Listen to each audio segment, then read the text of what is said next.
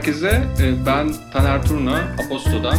Bugün Komünite Podcast'imizin ilk bölümünü çekeceğiz. Bu ilk bölümümüzde konumuz etkileşimden iletişime çocuk yaşta müzik aleti çalmaya başlamanın önemi nedir sorusuna biraz cevap arayacağız. Ee, bu podcast'te de bana eşlik edecek dört değerli e, arkadaşım olacak komitemizden. Sırasıyla tanıtmak gerekirse Avaz Avaz dergiden Hande Yıldırım editör olarak, Barış İçin Müzik Vakfı'ndan Töle'de beden perküsyon eğitmeni olarak Cesur Özdemir ve e, müzikli mevzuların kurucularından Tuğçe Hakarar ve Turna Ezgi Toros bizde olacak. Ya bu konuyu çok ufak bir girişini yapayım. Sonra ben sözü yorumlarını ve görüşlerini iletmek adına bu podcast'e eşlik eden e, arkadaşlarıma vereceğim. Burada çok fazla müzik sahnesinde dinlediğimiz sanatçı var ve bu sanatçıların hayatlarını biraz daha detaylı baktığımızda, bir büyüteçle baktığımızda onların çocuk yaşta enstrümanla kurdukları etkileşimin zaman içerisinde belli dönüşümler yaşayarak bir iletişim metoduna döndüğüne ve o iletişimi de aslında kendi hayatlarıyla birleştirerek, kendi karakter olgunluklarıyla birleştirerek pek çok e, farklı yöne doğru olgunlaştırdığını görüyoruz. Burada kimi zaman bu profesyonel müzik hayatına taşınmasa bile çok fazla bir etkisi oluyor. Müzik aletini çocuk yaşta e, çalmaya başlamanın ve o dili öğrenmenin, o frekansa girmenin.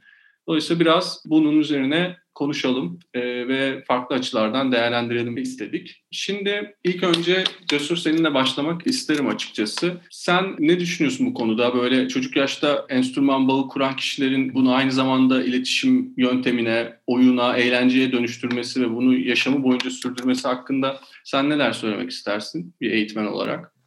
Teşekkürler Taner girişin için ve bunun hakkında hem kendi tecrübelerimden önce bahsetmek isterim hem de sıcağı sıcağına şu an çalıştığım her yaştan öğrencilerle, küçük ve genç öğrencilerle kurduğumuz ilişkiden bahsetmek isterim.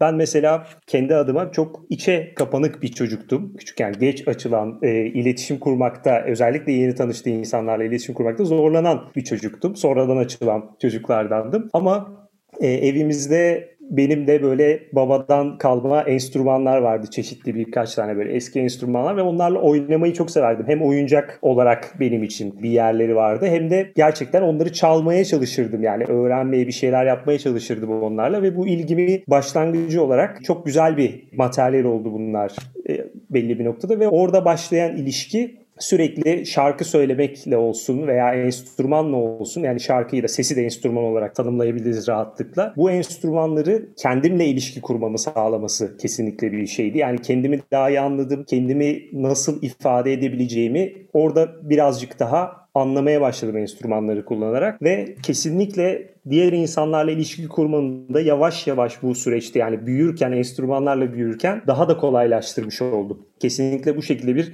katkı sunmaya başladılar bana. Enstrüman olarak bedenimi de kullanmaya başladım bunun yanında. Yani enstrümansız olduğum zaman bedenimden nasıl müzik üretebilirim noktasında sürekli refleks olarak bazen tikler bile olarak benim için sürekli böyle bir ritim, bir şey üretme eğilimi oldu ve bu şekilde iletişim kurmayı da arttırdı. Birilerine bir şey öğretme, yardım etme konusunda da bu iletişimi güçlendirdi. Mesela arkadaşlarıma da o enstrümanı öğretme, gösterme, denetme noktasında yeni bir ilişki kurma yöntemi de oluşturdu benim için mesela ve bu beni çok motive etmişti. Kariyerimi yönlendiren temel şeylerden biri de buydu aslında. Yani birilerine yardım etmek, e, öğretmekten ziyade öğrenmesine yardım etme motivasyonunun farkına varmamı sağladı. Ve daha sonrasında da sürekli birilerine bir şey öğrenme konusunda yol göstermeyi profesyonel olarak yapmama başladım bu şekilde. Çocuklarla çalışırken de kesinlikle bu kendimde gördüğüm şeyi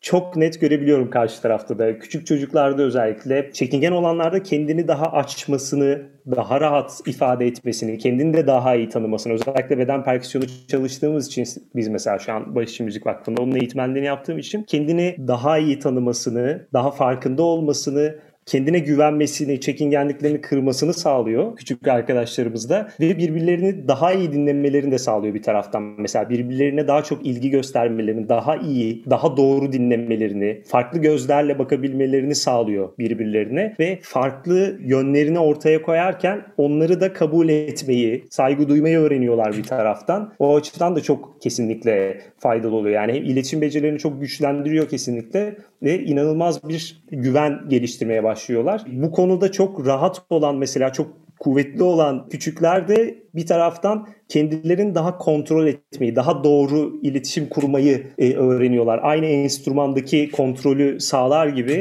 iletişimlerinde de bu kontrolü sağlamayı öğreniyorlar. O yüzden bunu çok iyi küçük öğrencilerimde de görebiliyorum vakıfta çalışırken.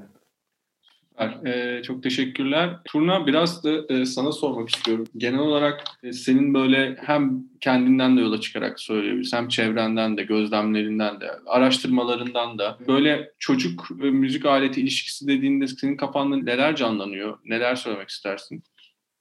Ben olayı biraz şu boyutuyla düşündüm açıkçası. Hani şu an formal bir şekilde verilen eğitimler var. Bir kursa yazdırıp nota ya da enstrüman öğretmek gibi bir şey mümkün. Ama daha sözlü aktarımın olduğu geleneksel müzik ve kültürlere bakarsak ki benim de ilgi alanım olduğu için, çalışma alanım olduğu için orada şöyle bir durum var. Tam olarak belli bir yaşta bir çocuğu kursa göndermek ya da optimum eğitim yaşını seçmek gibi bir şeyden ziyade o müzik, o ses çevresinin içinde büyümek, kulak aşinalığı olması ya da birilerine çırak durmak gibi gelişen bir kültür var. Bunun örneklerini belki şöyle de düşünebiliriz. Mesela Neşet Ertaş ve babası Muharrem Ertaş gibi düğünlere çalan ve büyük ihtimalle notasyon formal bilgisi olmayan ama sürekli o ses çevresinin içinde büyümüş, çocukluğu, gençliği böyle geçmiş ve sonra kendi dilini yaratmış, ozanlaşmış bir insan söz konusu mesela. E, ben biraz bu kısmı üzerine düşündüm açıkçası.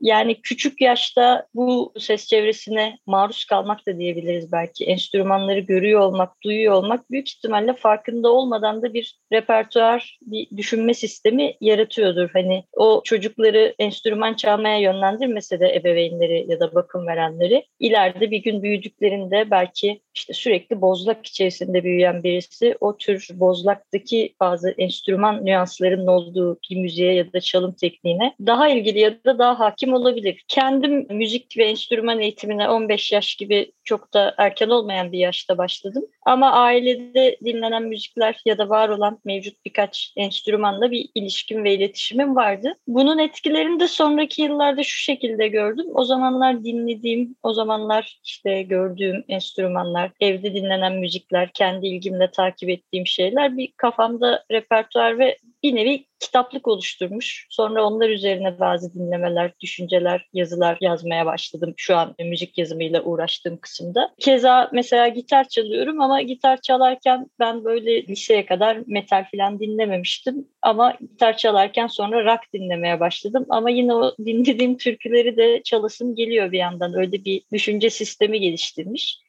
dediğim gibi formal eğitim ve bunun doğru başlangıç yaşı ya da bunun getirileri kısmını çok tecrübe etme ve okuma fırsatım olmadı. Ama benim hani kulaktan duyma, o ses kültürü içerisinde yetişme konusundaki gözlemlerim ve kendi tecrübelerim bu şekilde mutlaka bir etkisi oluyor. Daha farklı bir şekilde yer ediyor. Nasıldır bunun e, kognitif kısmı bilmiyorum ama onun etkilerini görüyoruz ki bahsettiğin gibi popüler kültürdeki bazı müzisyenlerde de bunu görüyoruz. Küçükken duydukları şeyler zamanla üretimlerine yansıyor. Aslında belki bir tekno müzisyeni ya da bambaşka bir rock müzisyeni bile olsa bir süre sonra anneannesinden duyduğu bir ezgi de onun içine girebiliyor. Ben bu açıdan da o aktarımın çok önemli olduğunu düşünüyorum. Ne kadar çok ses ileride o kadar çok söz olarak geri döner.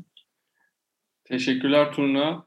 Hande sana sormak istiyorum. Yani aslında daha doğrusu konuyu biraz senin yorumlamanı istiyorum. Genel olarak sorumuz aslında üst başlıkta aynı. Senin bu noktadaki söylemek istediğin şeyler neler?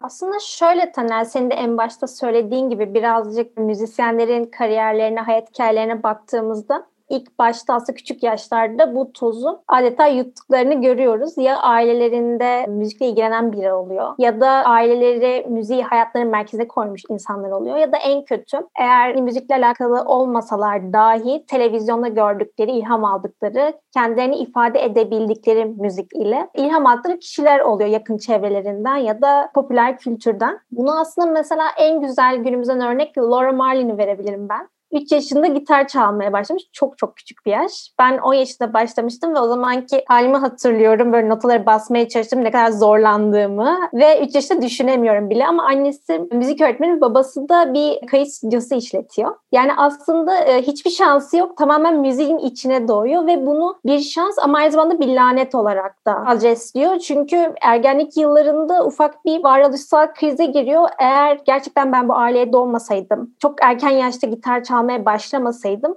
Yine aynı şekilde bu tarzda müzik mi yapardım? Yine müzisyen mi olurdum? Aslında bu benim olduğum kişi mi? Şeklinde ufak böyle bir krize giriyor ve e, sorguladığı bir dönem oluyor. Çünkü şu anda günümüzde baktığımızda Laura Marlin folk müzikte biraz daha günümüzün Johnny Mitchell'ı şeklinde tanınıyor. Bunun sebebi de aslında onun o gitar tekniği ve birazcık da şarkı sözü yazarlığı Johnny Mitchell ile özdeşleştiriliyor ve birazcık daha günümüzün diğer folk sanatçılarından bir tık daha farklı bir tarzı var. Bunun sebebi de biraz o gitar yeteneğinin çok küçük yaştan gelmesi ve oturmuş olması. Ve e, bu mesela onun geçmişte sorguladığı bir hayat adımı olarak yer buluyor hani müziğinde de. Bu nedenle aslında kendini ifade etme biçimi olarak çok küçük yaşta bunu alıyor ve benzer olarak aslında birçok başka müzisyen de var. Örneğin Elton John'un şarkı sözü yazarlığına baktığımızda müziğiyle direkt piyanoyu aslında eşleştiriyoruz ve o da büyük annesinin piyanosuyla 7 yaşında çalmaya başlıyor. Ya da işte Prince babasından ilham alarak başlıyor. Ve sonrasında bu kendi ifade etme biçimi olarak başlayıp e, birazcık da aslında öğrendikten sonra ben bunu yapabiliyorum gibi arkasından gelen bir özgüven ile sonrasında hayatlarının tamamen merkezine oturuyor ve direkt içlerinde oldukları içinde oradan bir kariyer oluşmuş oluyor. Ben kendimden örnek vermek gerekirse ben hani müzisyen değil müzik yazarıyım. Tamamen farklı bir meslek icra ediyorum bundan tamamen bağımsız olarak ama yaklaşık 10 senedir müzik üzerine yazıyorum. Benim de e, müzik yazmaya başlamam ya da işte müziğin hayatımın merkezinde olması aslında küçük yaşta yine enstrüman çalmaya başlamam. Ben de gitar e, çalıyorum ve bir ara işte piyano ve davuluyla da uğraşmıştım. Ve ben de e, cesur gibi böyle içine kapanık bir çocuktum. O yüzden hani yine e, annem böyle birazcık daha çocuk açılsın, işte sosyalleşsin diye e, ta- tamamen o klasik hikaye ve beni işte gitar kursuna gönderdi. Ve sonrasında o sırada popüler kültürdeki o müzikler ile kendimi çok iyi özdeşleştirdim. Ve bir ifade biçimi haline geldi ve oradaki o müzikleri yani onları duyduğum şeyleri kendimin de icra etmeye çalışmam ve hani onları pratik yapmam bir nevi aslında oyun haline geliyor bir yerden sonra ve onu başardıkça bir sonraki adımı da var. Yani aslında sonu yok. Her zaman biraz daha iyisini yaptıktan sonra bir tık daha iyisi de var. Ve bu şekilde devam ediyor ve yetişkinliğe geldiğimizde de aslında o hissi beraberimizde getiriyoruz. Sadece birazcık daha bence anlamı değişiyor. Küçük yaşta birazcık daha hani o ifade etme biçimi önemli çünkü iletişim de hayat içinde öğrenilen bir yetkinlik ve çocuk yaşta bu konuda daha yetkinliğimiz hani gelişmemiş oluyor. Ama e, hani orada bir ifade etme biçimi oluyor. Yetişkinlikte ona ek olarak birazcık daha günlük hayatın dertlerinden, o rutinlerinden sıyrılmak, bir anda kalmak yani aslında oyun eğlence kısmı bir tık daha öne çıkarak biraz da mindfulness da diyebilirim. Birazcık daha hani eğer müzisyen değilseniz biraz anlamı değişiyor ama yine de o kendi ifade etme durumu bence müzisyenler için de, müzisyen olmayanlar için de her zaman o anlamını müzikle icra eden kişiler için koruyor.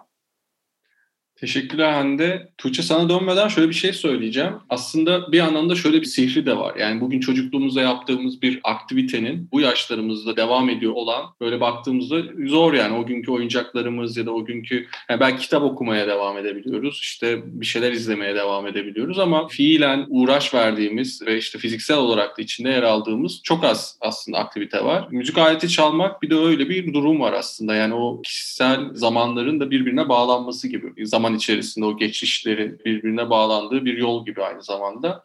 Tam böyle bir açıdan e, topu sana doğru göndereyim. Tuğçe sen ne düşünüyorsun bu konu üzerine? Teşekkür ederim bu arada hem herkese hem de sana bizi bu konuyla ilgili düşündüğün için. Ben bu davet geldiğinden beri aslında niyeyse hep bir böyle Aziz Nesin çemberinde bir çocuk e, şeyi düşünüyorum. Hani diyor ya o şimdiki çocuklar harika da çocuklara iyi bir dünya bırakacağınıza hani iyi çocuklar yetiştirin ama hani yani onların çocuk olduğunu da unutmayın. Ben o yüzden yani müzisyen değilim. E, müzik enstrümanlarıyla yolum çokça kesişti. E, farklı müzik eğitimlerinin tezgahına girip çıktım, başarısız oldum. Ama bana bir şeyin nasıl öğretilmesi gerektiğini de çok geç keşfettim kendi adıma. Onun için de uzunca bir süre bir flüt mesaisi harcadım. Ortaokulda bir konservatuar deneyimim var. E, maalesef o benim için çocuk olmaya izin verilmeme kısmını tanıma şeyi oldu. Aziz Nesin'e dönecek olursam yine. Ama mesela buraya Hollanda'ya taşınmadan önce ve müzikolojideyken Boğaziçi Gösteri ve Sanat topluluklarında yani hem çok hayran olduğum insanlarla ritim e, kolektifte bir araya gelip orada ritim üzerine eğitim alma şansı. Hem aslında ben bugün biraz heyecanlıyım Cesur burada olduğu için. Çünkü müzik eğitimi dendiğinde benim aklım hep beden perküsyonu üzerinden, orf üzerinden bir şeylere de kayıyor. Orada beden perküsyonunu da keşfetmiştim çünkü. Hani orada biraz daha özgürlükçü bir alan olduğunu da keşfetmiştim. O üç ayrı alan benim için çocuğa yönelttiğimde ve bugün takip ettiğimde çeşitli işte müzik kanallarını, o işte bedenden oyuna atölyeleri var. Ee, Gökçe Gürçay'ın sanırım şimdi yeni bir müzik okulu kurdu yine bir beden perküsyonu üzerinden. Yani aslında çocuğun çocuk olduğunu unutturmadan o kendini fark etmesi Cesur'un da söylediği gibi o iletişim ağını o keşifle açmak benim aklıma ilk gelen. Böyle güzel bir müzik eğitimi oturtulabilir gibi geliyor. Çünkü bir yandan şunu da deneyimledim ve gözlemledim. Mesela bizim müzikoloji bölümünde maalesef orada bile sıkıntılar vardı bence. Bilimsel hazırlıkta kompozisyondan arkadaşlarla biz farklı disiplinlerden gelen sosyal bilimciler aynı müzik eğitimi, e, müzik teorisi eğitimi sınıfına koyulmuştuk ve gerçekten alanının çok iyi hocasından karşılaştırmalı müzik teorisi dersi alıyoruz. Ya da bunu ben kendi açımdan söylüyorum. Kompozisyon bölümündeki arkadaşlarımız da sosyal bilimcilerin bir süre alt metinde soru kazısı yaptığı yerlerde akademik makalelerle boğuşuyorlardı. Şimdi orada biz şeyi çok sorgulamıştık yetişkin hallerimizle. Ya biz bunca yıldır sadece müziğe çok klasik bir eğitim alarak gelmişiz ve işin bu kısmını unutmuşuz. Sizin yanınızda biz bundan zorlanıyoruz.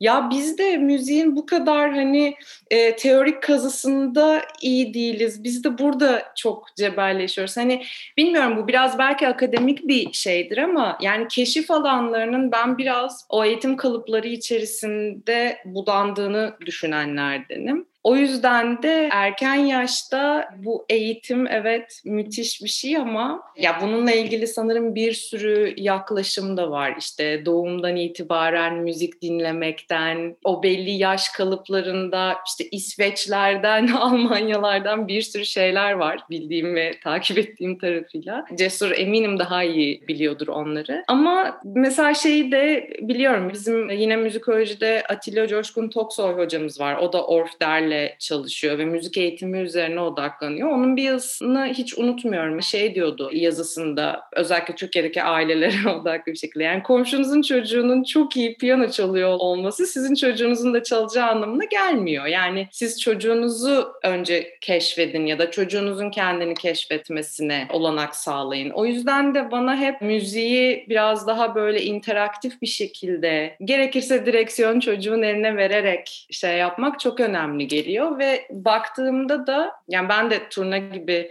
biraz geç tanışsam da etrafımda rock ve metal müzisyeni çok fazla arkadaşım var ve bu insanlar mesela çoğunlukla kendileri keşfetmişler enstrümanlarını, o müzikal bağı. Bir de hani Türkiye bence coğrafya itibariyle de çok böyle hani zengin ya o bir sürü şeyi bir araya getirme işte. Turnanın aklının bile mesela işte hani gelenekselle hani onu gitarda buluşturması gibi çalışması o yüzden bana çok şey geliyor. Orada daha başka bir zenginlik var ama öbür taraftaki durum farklı. Evet erken yaş önemli ama geç diye bir şey var mıdır diye de soruyorum hep.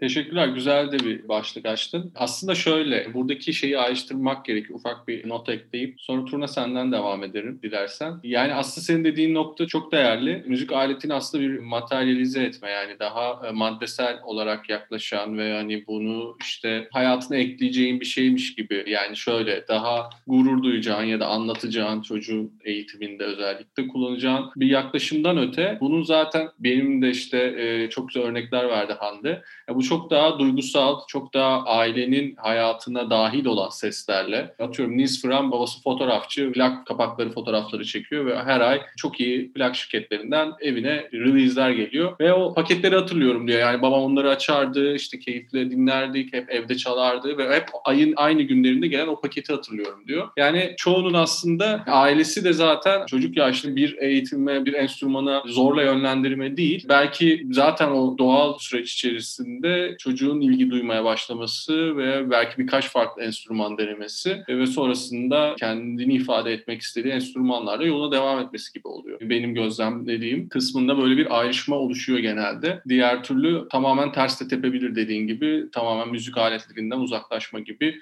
bir durumda söz konusu e, olabiliyor. Turna sana da şuradan belki ilerleyebiliriz. Bu noktada gerçekten e, aslında Tuğçe'nin açtığı kapıdan biraz gidebiliriz. Sen ne düşünüyorsun bu konu hakkında? Enstrüman, İngilizce biliyorum gibi bir şey değil ya bu. Yani o, o ayrışmayı birazcık da senin tarafından çizebilir miyiz aslında? Benim bakış açım şu şekilde hani bir şeye çok teknik olarak vakıf olmak, çok iyi piyano çalıyordur, parmaklar her yere yetişecek, her türlü enstrümanın olanaklarını kullanacak halde çalıyor olmak farklı bir meziyet ve farklı bir şey. Bu güzel de bir şey. Ama bence teknikten ziyade düşünce biçimi, duyma biçimi, ifade biçimini geliştirmek önemli. Dille de mesela şöyle bir analoji kurabiliriz. Söylediğinden dolayı bir çağrışım yaptı. Yani Cem Yılmaz'ın da sürekli esprilerine konu ettiği bir şey vardır. Yani biz hepimiz çok iyi formal eğitimde görüyoruz işte nevertheless'ler vesaire. Teoride hakimiz ama bir tane derdimizi anlatırken zorlanıyoruz gibi bu müzik de bence böyle bir şey. Bir şeyi çalabilmek için enstrümanına, o alete hakim olmak önemli. Çünkü o senin ifade biçiminde kullandığın bir araç. Ama sende o düşünce yoksa istersen bütün kelimeleri dil kullanmak, bir araya getirmek sıkıntı. Bence biraz daha bu bana düşmez. Hani bir ebeveyn değilim. Küçükken de bir eğitim almadım, tecrübe etmedim. Ama benim naçizane düşüncem şu. Dediğiniz gibi Nils Fram'ın babasından o gerçekten sevgi ve ilgiyi görmesi paha biçilemez bir şey. Hani en iyi piyano hocasına gitmesi ve alması bir eğitimi farklı bir şey ama o sevgiyi ve o kültürü aşılamak bence çok daha önemli. Çünkü bir noktada belki 3 yaşında, 5 yaşında algı daha güçlüdür, parmaklar daha kıvraktır ve daha iyi bir eğitim olabilir. Ama daha çok çalışan birisi de iyi kötü açığı kapatabilir. Cesur hocam yanlışsam düzelsin lütfen dediğim gibi yanlış yorumlamak istemem. Fakat o dinleme zevki nasıl zorla kitap okutamıyor yapamıyorlarsa bir noktada aileler çocuklarına ya da buna benzer örnekler varsa bu geliştirilmesi bence çok daha zor bir şey. Keşfetmesi çok daha uzun süren bir şey. Ben o bağlamda o ses çevresi ve kültürün içinde dediğim gibi yetişmeyi değerli buluyorum. Eğer sorunu da doğru anladıysam, doğru yanıtlayabildiysem.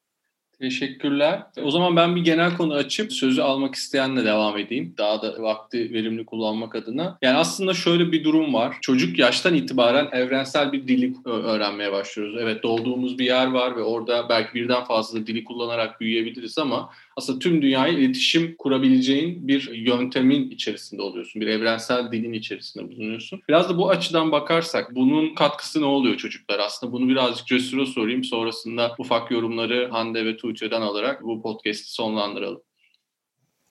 Çok teşekkür ediyorum gerçekten çok güzel yorumlar ve fikirler için arkadaşlar. Pek çoğunu zaten ben de gözlemliyorum ve katılıyorum kesinlikle öncelikle. Hani bu evrensellik konusundan önce yani enstrümanın kesinlikle sevgi bağıyla, tercihle ve özgürce hayata girmesi ve müziğin, enstrümanın çok daha doğru olduğunu ben de düşünüyorum. Yani vakıfta da zaten hep yaklaşım bu Barışçı Müzik Vakfı'nda da mesela seçme yapmamak kesinlikle çocuklar arasında bir kıyaslama ve seçme yapmamak vakfın en önemli değerlerinden biri ve herkese istediği imkanı sunmaya çalışmak ve kendilerini kendince keşfetmelerine yardımcı olmak, alan sağlamak kesinlikle olumlu bir şeye gidecekken olumsuz yönler çıkmaması, güzel güzel bir yol açacakken tam tersi bir etki yaratmamız için çok önemli. Evrensel dil konusunda da kesinlikle şu örnek benim hep aklıma geliyor bu konuyla ilgili konuştuğumda. Mesela Avrupa Korolar Federasyonu'nun Avrupa Kantat, Europa Kantat Festivali ile zaten başlayan bir oluşum.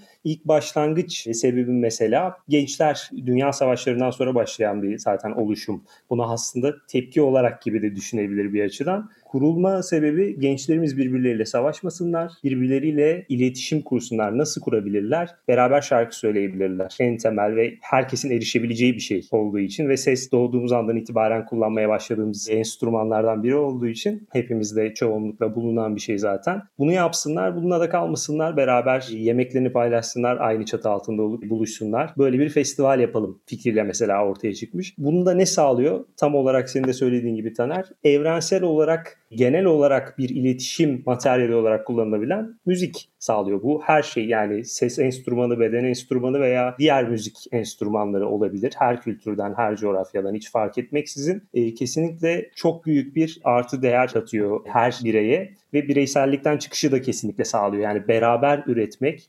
beraber daha fazla olabilmek adına çok önemli bir adım atmayı aslında imkan sağlıyor. Bu dili konuşabiliyor olmak kesinlikle şu şekilde tabii ki söylemiyorum. Yani formal olan kısmı o dili konuşmak kısmı yani kesinlikle burada da Ezgi'ye de katılıyorum söylediklerine. Hani o başka bir şey ve güzel bir şey evet. Fakat bununla ilişki kurabiliyor olmak zaten o dili bilmek anlamına geliyor benim için de. Yani o dille benim bir ilişkim var ve bununla bu dili bilen başkalarıyla iletişim kurabiliyorum. Nereden gelirse gelsin, geçmişine olursa olsun, e, hangi değerlere inanırsa inansın bir şey paylaşabiliyoruz. Bir iletişim başlatabiliyoruz bu şekilde. O yüzden çok ileriye taşıyacak bir şey. Genel olarak herkesi toplumsal açıdan da ama özellikle küçük yaşlardan bu iletişimi kurma fırsatını sağlamak o çocuklara uzun vadede bütün hayatlarını etki edebilecek olumlu yönde bir imkan sunmak oluyor. O yüzden çok değerli olduğunu düşünüyorum o imkanını sunmanın. Çok teşekkürler Cesur yorumların için, görüşlerin için. Hande ve Tuğçe e, eklemek istediğiniz bir şey var mı bu konu üzerinde?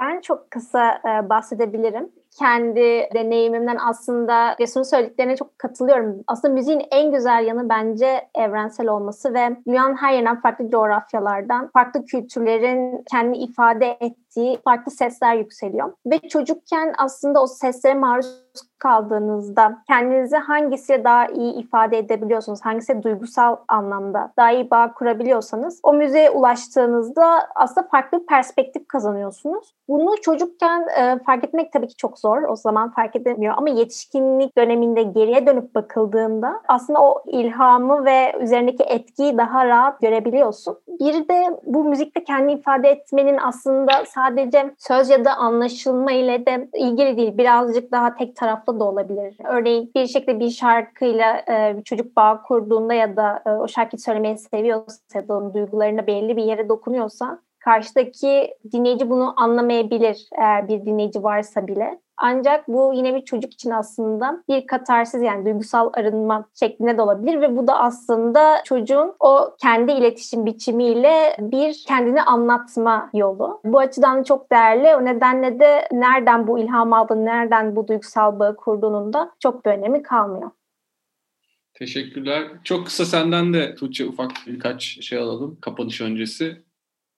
Ya ben biraz bu kılçıklık olabilir ama müziğin evrensel bir şey olmadığını düşünenlerdenim. Çok kültürel bir şey olduğunu düşünüyorum. Ve erken yaşta müzik eğitiminin o sezgiselliği e, koruduğunu ve yok etmediğini bence söyleyebilirim. Ama buna şöyle ortak sezgisellik yaratıyor mudur? Evet bence yaratıyordur. O da hani işte popüler kültürle ve bize müzik endüstrisinin hepimize paylaştırdığı materyalle diyebilirim. O da şöyle bir gözlemim var. Burada expat kültürü içerisinde insanlar müzik yapabilmek için bir araya geliyorlar. Music with Strangers diye biz buraya geldiğimizden beri benim takip ettiğim bir oluşum var. İnsanlar bir araya gelip bu topluluk içerisinde gruplarda kurabiliyorlar, jam session'larda yapabiliyorlar ve işte pandemiden önce kendi gönüllü kolektif şeyleriyle kentin belli noktalarında konserler de veriyorlardı. Benim orada gördüğüm şey bu ortak sezgisellik ve müzik endüstrisi endüstrisinin bize paylaştırdığı şeyle ilgili herkesin bildiği parçaları çalabilmeleriydi. Fakat günün sonunda konserlerde bir süre sonra Hindistan'dan ya da Türkiye'den ya da işte İrlanda'dan gelen arkadaşlar, İranlı arkadaşlar da vardı. Herkes kendi yerel dili ve enstrümanıyla en az bir kere o sahnede var olmaya çalışıyordu. O başka bir buluşma oluyordu tabii ki ama hani geçmişten gelen başka sezgisellikler de orada paylaşılıyordu. Ben sadece belki bunu ekleyebilirim. Tamam. Güzel bir soru e, şey oldu. Aslında hepimiz bununla en fikiriz zaten. Yani evrensellik noktası e, icra edilenlerden değil aslında oradaki duygular ve o duyguların kanalının açılması aslında. Evrensellik biraz daha orada devreye giriyor. Oradan sonra açılan dünyalar tabii ki her çocuğun ya da her bireyin, her icracının ya da dinleyicinin dünyasında cevap buluyor diyerek ufak bir e, da minik bir soru işaretiyle bence sonlandırabiliriz diye düşünüyorum. Çok teşekkürler tekrardan Avaz Avaz dergiden Hande Yıldırım, müzikli mevzulardan Turna Ezgi Toros ve Tuğçe Hakarar ve Barış için Müzik Vakfı'ndan da Cesur Özdemir bu podcast'te bizimle birlikte oldu ve çocuk ve müzik aletleri üzerine aslında ilişkileri ve ondan sonrasında devam eden süreçleri biraz konuştuk. Kendi gözlemlerimizden ve deneyimlerimizden faydalanarak diyerek hoşçakalın. Bir sonraki bölümde görüşmek üzere.